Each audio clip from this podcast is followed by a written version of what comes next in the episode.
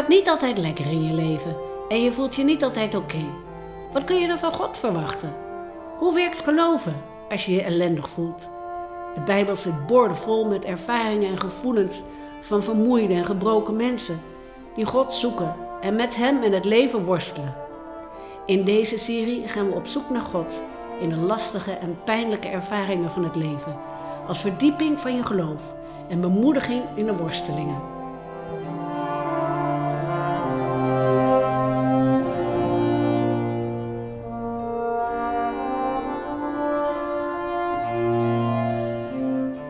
Dit is de eerste in de serie van vijf. Het thema is eenzaamheid. Voorganger is dominee Johan Visser. Opgenomen op 22 oktober in de Noorderkerk in Amsterdam.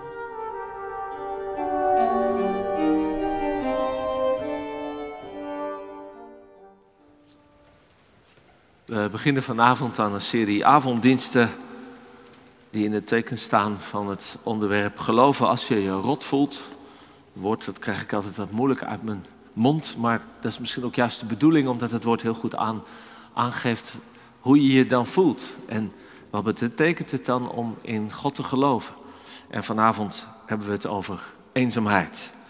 En dan gaat het niet alleen over ons, het gaat ook over God. Want ik denk juist ook in de, de moeite van het leven komen we ook het hart van God op het spoor.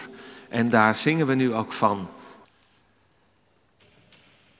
Voordat we gaan lezen en zingen uit de Bijbel, een paar woorden over als inleiding op, uh, op de lezingen en deze serie. We zijn onlangs ook begonnen met een cursus over de kerkvader Augustinus.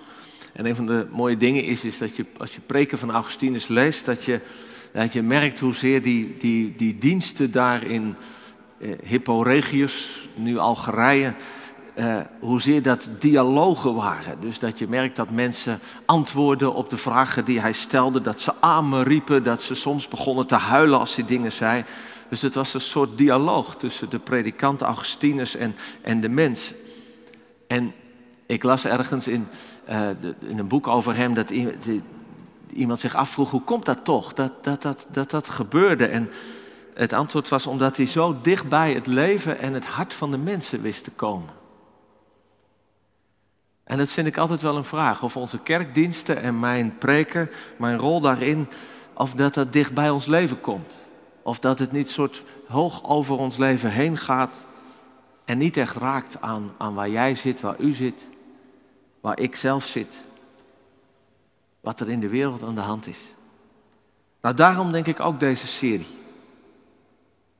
Dat hopelijk God dichtbij komt als hij je rot voelt. En we kunnen natuurlijk ook een serie maken over dat God dichtbij komt als je je goed voelt. Dat moeten we ook niet vergeten, maar, maar ook als het, als het moeilijk gaat. En dat is het verlangen van, van, uh, van Dick en van mij. Dat God door deze, deze diensten heen, door zijn woord, uh, ons moed geeft. Of misschien ook wel iets van genezing in je leven. En laat merken dat hij erbij is, ook als, er, als, het, als het donker is in je leven. Nou, dat als inleiding. We gaan uh, vanavond twee gedeelten lezen. Psalm 88, wat eigenlijk ook wel een, een psalm is waar al die onderwerpen die de komende tijd aan bod komen, eigenlijk ook wel in, in zitten. Dus een soort uh, die het helemaal over alles gaat. En uh, een stukje uit Marcus 14 over de man van smarten, waar we net ook van hebben gezongen. Ik word door rampen bezocht, mijn leven nadert het dodenrijk. Ik hoor bij wie afgedaald zijn in het graf. Ik ben als een man aan het eind van zijn krachten. Als een naamloze dode ben ik. Als een gesneuvelde in een massagraf. Aan wie u niet langer denkt, losgerukt uit uw hand. U hebt mij onder in de kuil gelegd, in het duister van de diepte. Uw toorn drukt zwaar op mij, uw golven slaan over mij heen. Bekende hebt u van mij vervreemd. Afgrijzen roep ik bij hen op. Ik ben ingesloten en zie geen uitweg meer.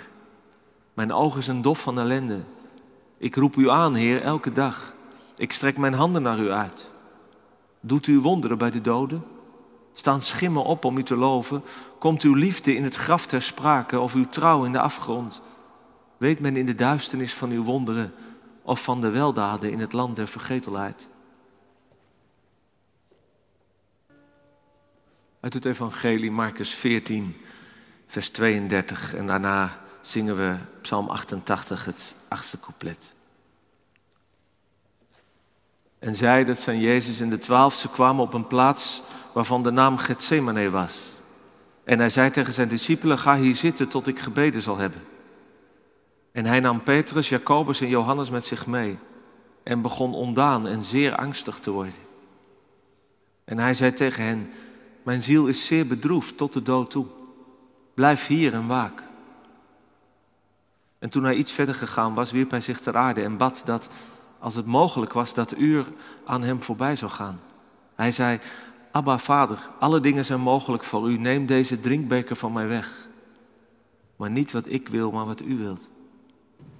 En hij kwam en trof hen slapend aan. En hij zei tegen Petrus, Simon, slaapt u? Was u niet in staat één uur te waken? Waak alle en bid, opdat u niet in verzoeking komt.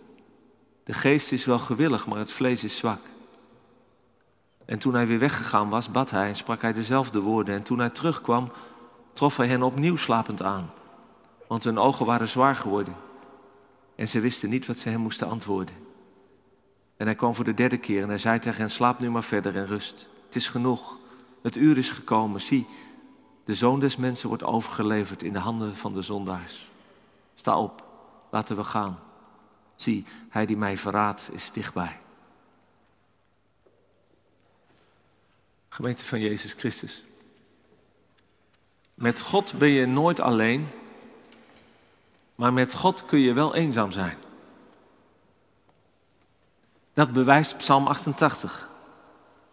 Een gebed waarin geen licht doorbreekt, waarvan het laatste woord duisternis is. Het is wel wonderlijk hè, dat God niet bang is om dit gebed in de Bijbel op te nemen. Want het is niet echt reclame voor Hem. En al helemaal geen propaganda. En daar, daarom hou ik juist ook zo van God. Omdat God niet aan marketing doet. En al helemaal geen zielige, angstige, opgeblazen dictator is. Die alleen maar goed nieuws over zichzelf de wereld instuurt. God is echt. Levensecht.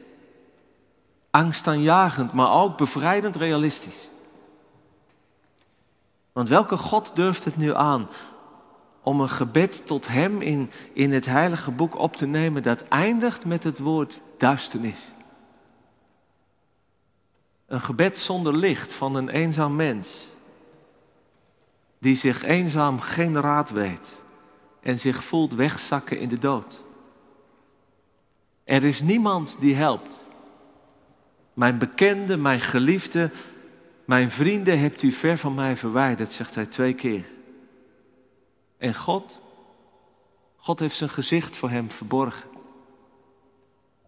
Hem verstoten. En het enige dat hij van God voelt is zijn toorn, zijn grimmigheid, zijn verschrikkingen. Hij ervaart God dus wel, maar dan negatief. Als degene die hem verlaten heeft en die niet meer naar hem omkijkt. En dat is eenzaamheid. Eenzaamheid heeft heel veel kanten. Op de website van de overheid, 1 tegen eenzaamheid.nl, wordt eenzaamheid uitgelegd als je niet verbonden voelen. Doordat je of weinig mensen ziet en ontmoet, of doordat je een hechte band met anderen mist. En er zit ook een wat diepere kant aan eenzaamheid. Namelijk dat je zelfs bij je vrienden of je geliefden of met heel veel mensen om je heen je eenzaam kunt voelen. Door een besef van leegte, een gemis dat geen enkel ander mens kan vullen. Dan hebben we het over existentiële eenzaamheid. En velen van ons zijn eenzaam. De cijfers liegen er niet om. In 2022 voelde 49% van de volwassenen in Nederland zich matig of sterk eenzaam. Dus de helft van ons. En bij de 85-plussers was het 62 en bij jongeren tussen de 16 en 25 27 procent. En de oorzaken van eenzaamheid zijn divers. Psychiater Dirk de Wachter die noemt in zijn boek Borderline Times terecht een aantal dieperliggende oorzaken. Er zijn natuurlijk hele concrete oorzaken waardoor je vereenzaamd kunt, kunt raken. Maar daaronder zitten nog weer wat, wat diepere dingen. En, en de wachter zegt, noemt er een paar. De individualisering in onze samenleving. Waardoor we ja, steeds, steeds meer het idee hebben dat we de, de, de, de, de banden, de beperkingen die het individu uh, ervaart, dat we die, die moeten wegdoen. Maar het betekent wel dat je er echt alleen voor komt te staan. En de verstedelijking. Hij haalt een, definitie van Godfried Bomans aan, uh, die, die zegt: leven in een grote stad, dat is miljoenen mensen die eenzaam zijn. Nou, dit is denk ik wat overdreven, maar ik denk de stad is inderdaad wel een plek waar je eenzamer bent dan, dan in andere verbanden. En het wegvallen en het verkruimelen van het traditionele gezin. En de dood van God in onze cultuur. En als laatste noemt, uh, noemt uh, de, de wachter de, de versplintering in onze samenleving. Dus dat we ergens een gebrek aan eenheid en samenhang onder elkaar ervaren. Nou, daar kun je een beetje cynisch over doen. Kun je zeggen, nou ja, dit is dan, dit is dan wat, wat, wat de individuele vrijheid, hè, waarin wij onszelf mogen zijn en gelukkig moeten worden, dit is dan wat het heeft opgeleverd. Of je kunt natuurlijk ook, ook zeggen, nou ja, misschien hoort het ook wel gewoon bij ons leven. Het is misschien in onze tijd om allerlei redenen ernstiger dan vroeger, maar eenzaamheid is natuurlijk ook iets wat bij mens zijn hoort, bij de gebrokenheid. Wat wij niet zomaar de wereld uit zullen, zullen helpen. Al vind ik wel dat we ons best moeten doen om er, om er wat aan te doen. Maar eenzaamheid is natuurlijk lang niet altijd gemakkelijk te verdrijven. En zeker die existentiële eenzaamheid die je kunt ervaren, dat gemis en die leegte, ja, dat, dat hoort ergens bij ons mens zijn. En dat kun je niet opvullen met heel veel contacten of allerlei drukte. Dus de vraag die, die ik me wil stellen vanavond is, ja, hoe leef je, hoe leven wij samen zo dat eenzaamheid te dragen is? Dat je ermee kunt leven. En hoe doe je dat als een gelovig mens met God? Want dat is wat Heman, de dichter en bidder van Psalm 88, doet. Want hoewel het een heel donker en wanhopig gebed is, blijft het een gebed. En hoewel hij niks positiefs over God kan zeggen, hij kan God niet volgen, hij ervaart God als, als, als tegenover hem, zoekt hij toch God als de God van zijn heil van zijn verlossing. Dus hier is niet een ongelovige aan het woord, maar een gelovige. Die God zoekt en tot hem roept. Ik denk dat een van de ellendes van eenzaamheid is, is dat het heel stil kan worden in je leven. En dat je niemand, niemand meer spreekt. En dat je dan soms maar van armoede zelf hardop gaat praten. Dat je terug hoort en ik een, een oudere zeggen dat ze, dat ze zich, zich afvroeg, heb ik van, vandaag eigenlijk wel mijn stem gehoord en de stem van iemand anders. En je eenzaamheid wordt natuurlijk wat doorbroken op het moment dat je kunt spreken, dat je je verhaal kunt vertellen en dat er iemand is die naar je luistert. En dat jij naar iemand anders kan luisteren. En deze eenzame mens in de psalm, die heeft niemand om, die, om tegen te praten. Want zijn bekende, zijn vrienden, zijn geliefde, die heeft u, God, ver van mij verwijderd. Maar hij spreekt toch. En dan niet tegen zichzelf, maar hij spreekt tegen God. Zelfs als God heel ver weg en, en en tegen hem voelt. Dus het gebed en God als laatste toevlucht. Ik weet ook dat bidden, dat dat lang niet altijd de oplossing is. In de zin dat je daardoor alle problemen te boven, te boven komt. Of als het nu over eenzaamheid gaat, dat je zegt, nou ja, als je God maar hebt, dan, eh, ja, dan heb je eigenlijk geen mensen meer nodig om je eenzaamheid te verdrijven. Nee, dat, dat is denk ik te gemakkelijk gezegd. Deze, deze psalm laat ook zien dat je best een hele tijd in het duister kan blijven. Ook als je bidt, ook met God.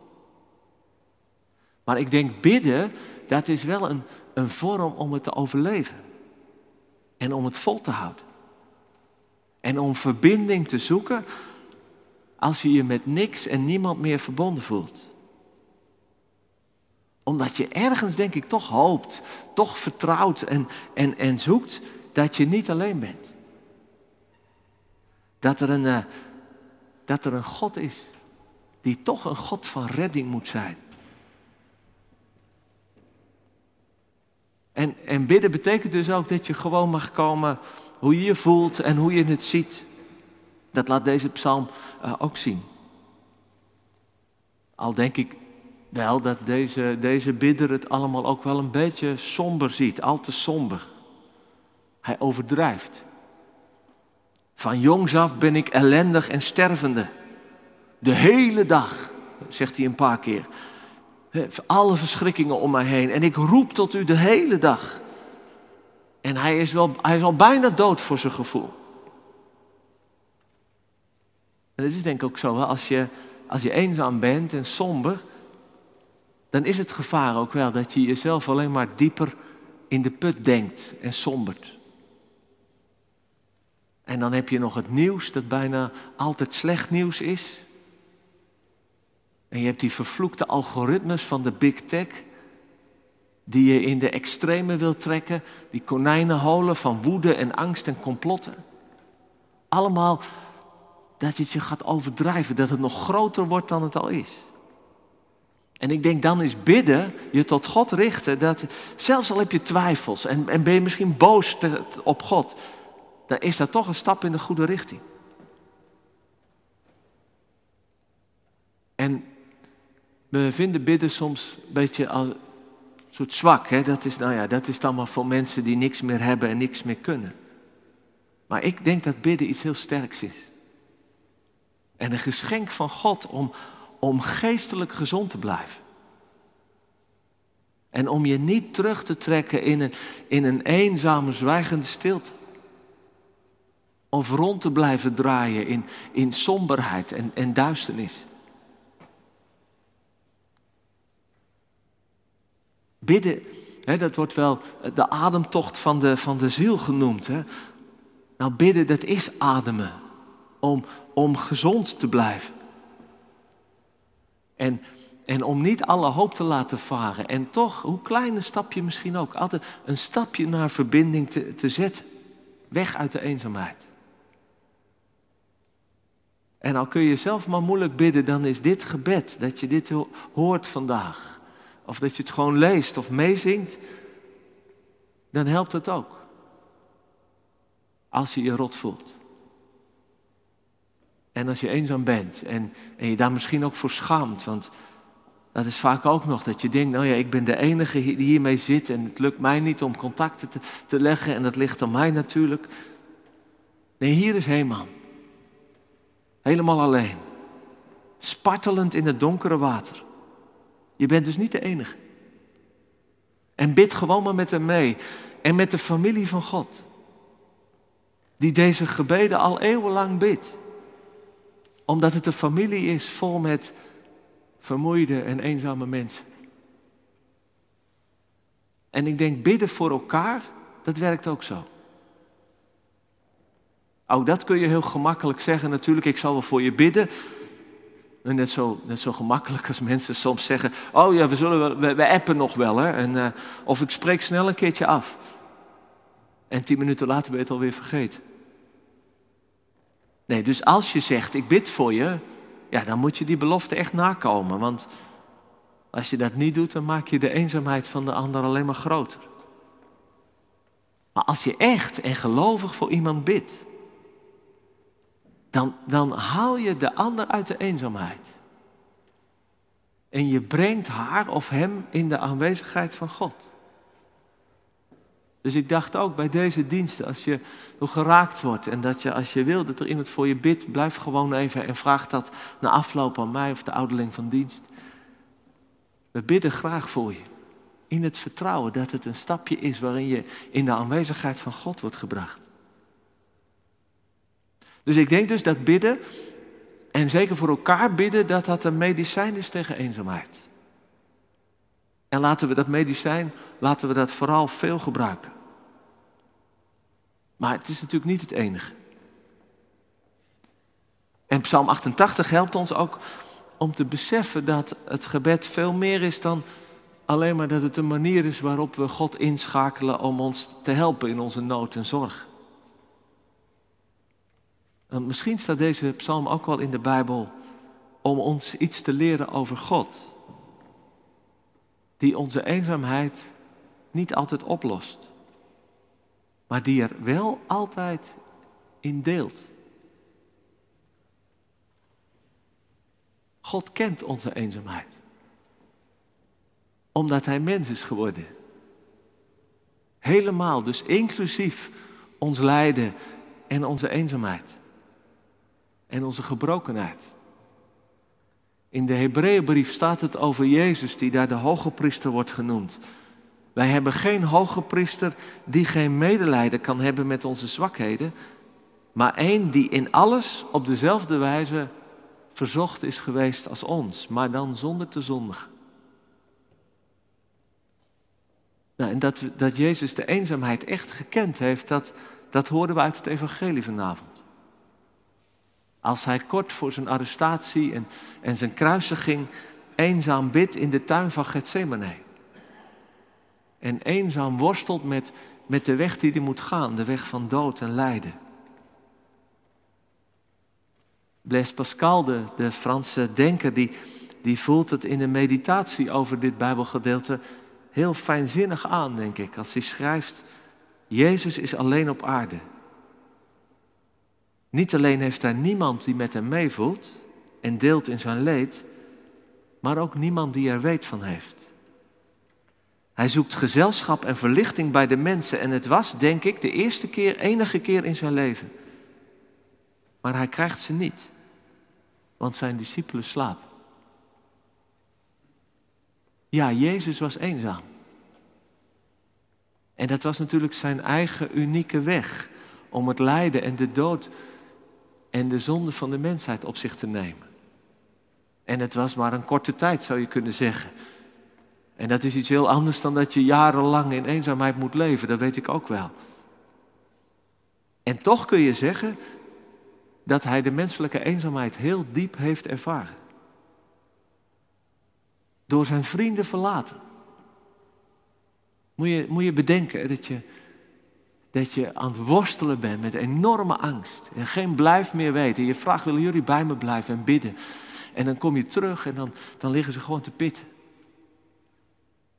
En uiteindelijk aan het kruis ook door God verlaten. Als hij bidt, mijn God, mijn God, waarom hebt u mij verlaten? Jezus maakt eigenlijk hetzelfde door als Heeman in Psalm 88. En wat zegt dat? Ja, dit toch? Dat Jezus, in wie God onder ons is gekomen, die ons het gezicht en het hart van God heeft laten zien, dat Jezus onze eenzaamheid ook heeft doorgemaakt. En aan de lijve en aan de ziel heeft, uh, heeft ondervonden. En dat hij daarom dus kan meeleven en meeleiden met jou, met mij. En dan moet je even tot je laten doordringen. God. De, de, de eeuwige God. En de bron van eeuwige liefde. De drie enige God, zoals we geloven eh, in, in, in, het, in het christendom. Dus die ene God die in zichzelf niet eenzaam is, maar liefde, relatie, verbondenheid van de Vader, de Zoon en de Geest. En die God, die wordt mens. Een van ons. En die laat al die goddelijkheid los, ook al die verbondenheid. En hij daalt af tot in de diepste eenzaamheid. Hangend aan een kruis tussen de hemel en tussen de aarde. Betekent in de steek gelaten door de mensen op aarde, maar ook verlaten door God in de hemel. En dat is het ondergrondelijke mysterie van onze verlossing. Maar het is ook het mysterie dat God juist zo in zijn eenzaam leidende zoon het dichtst bij ons komt. En ons lijden en onze eenzaamheid en onze gebrokenheid aanraakt. Dus als je eenzaam bent, dan moet je ook naar Jezus kijken. In zijn eenzaamheid. Zo lang kijken dat je ziet, Hij is mijn lotgenoot. Hij deelt erin. Ik ben er niet alleen in en dat is een troost, denk ik. Christus is erbij. God is met je en die leidt mee. En dat geeft ook hoop. Hoop in je eenzaamheid. Want dat is ook wat er in Hebreeën 4 staat. Jezus die is een, een hoge priester die onze zwakheden kent en, en daarom kan meeleiden en meeleven met alles. En dan vervolgt, laten we daarom met vrijmoedigheid, dus schaam je niet, kom tevoorschijn. Laten we naderen tot de troon van de genade, opdat we barmhartigheid krijgen en genade vinden om geholpen te worden op het juiste tijdstip. Ja, daarom kun je ook met vrijmoedigheid komen. dus, dus je schaamte over die eenzaamheid achter je te laten. Of misschien ook wel dat je, dat je ergens niet durft, omdat je te vaak, of misschien maar één keer in je leven, zo teleurgesteld geraakt bent. Omdat mensen je verlaten of dat mensen van je werden weggenomen en dat je eigenlijk daarna je, je niet meer helemaal durft te geven, waardoor je altijd een soort eenzaam in het leven bent. En je durft je niet te geven, want wie weet raak je weer teleurgesteld. En dat is nog erger. Nee, kom nou met vrijmoedigheid. Want Jezus heeft dat meegemaakt. Teleurgesteld in zijn vrienden. En kom. En kom naar de troon van de genade. Dat is een prachtige uitdrukking. Hè? Dus de troon van God. Je zou zeggen dat is het centrum, centrum van het bestaan. Van de kosmos. En dat is niet alleen een troon van macht en van orde die alles in, in, stand houdt, maar dat is ook een troon van genade en ontferming, mensen. Want daar is een priester. Een priester die weet wat het is om mens te zijn. Met alle gebrokenheid en alle eenzaamheid en alle pijn die bij mens zijn hoort. Dus, dus daar moet je dan zijn om geholpen te worden in je eenzaamheid. En ik weet, voor sommige mensen klinkt dat, klinkt dat heel simpel. Een beetje te simpel. Hè? Je, moet, je moet maar bij Jezus komen. En als ik eerlijk ben, ik heb het liever ook een beetje ingewikkeld en een beetje mooi en een beetje verheven.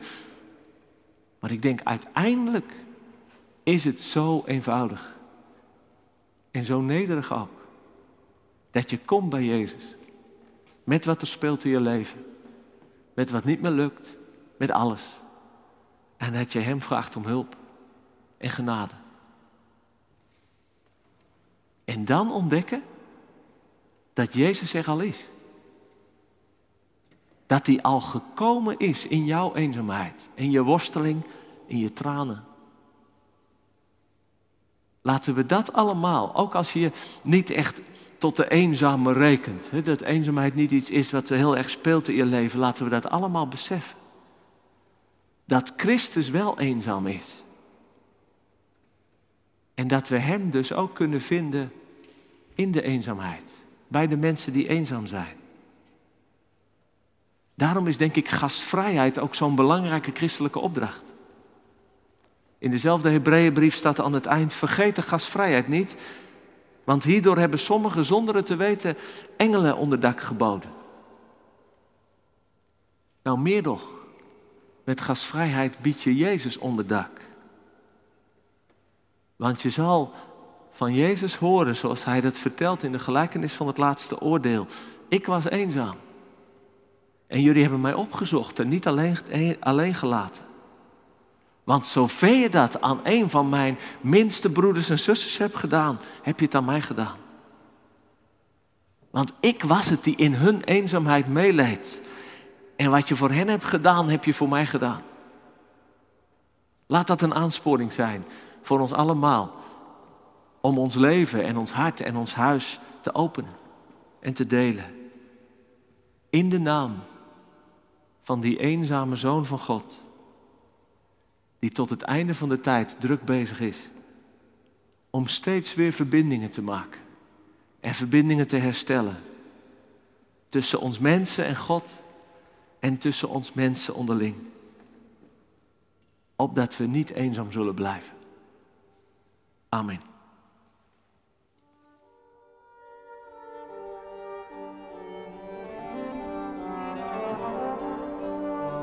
U luisterde naar een overdenking in de serie Geloven als je je rot voelt. Mijn naam is Loes Hussein Cornelissen en deze podcast werd gemaakt door Michiel Dumont. Muziek in deze podcast is van Constantijn Huygens en is gespeeld door het artistiek collectief op het jubileumconcert van 15 april 2023. Als u meer overdenkingen wilt beluisteren, abonneer u dan op onze podcaststream of kijk op onze website noorderkerk.nl.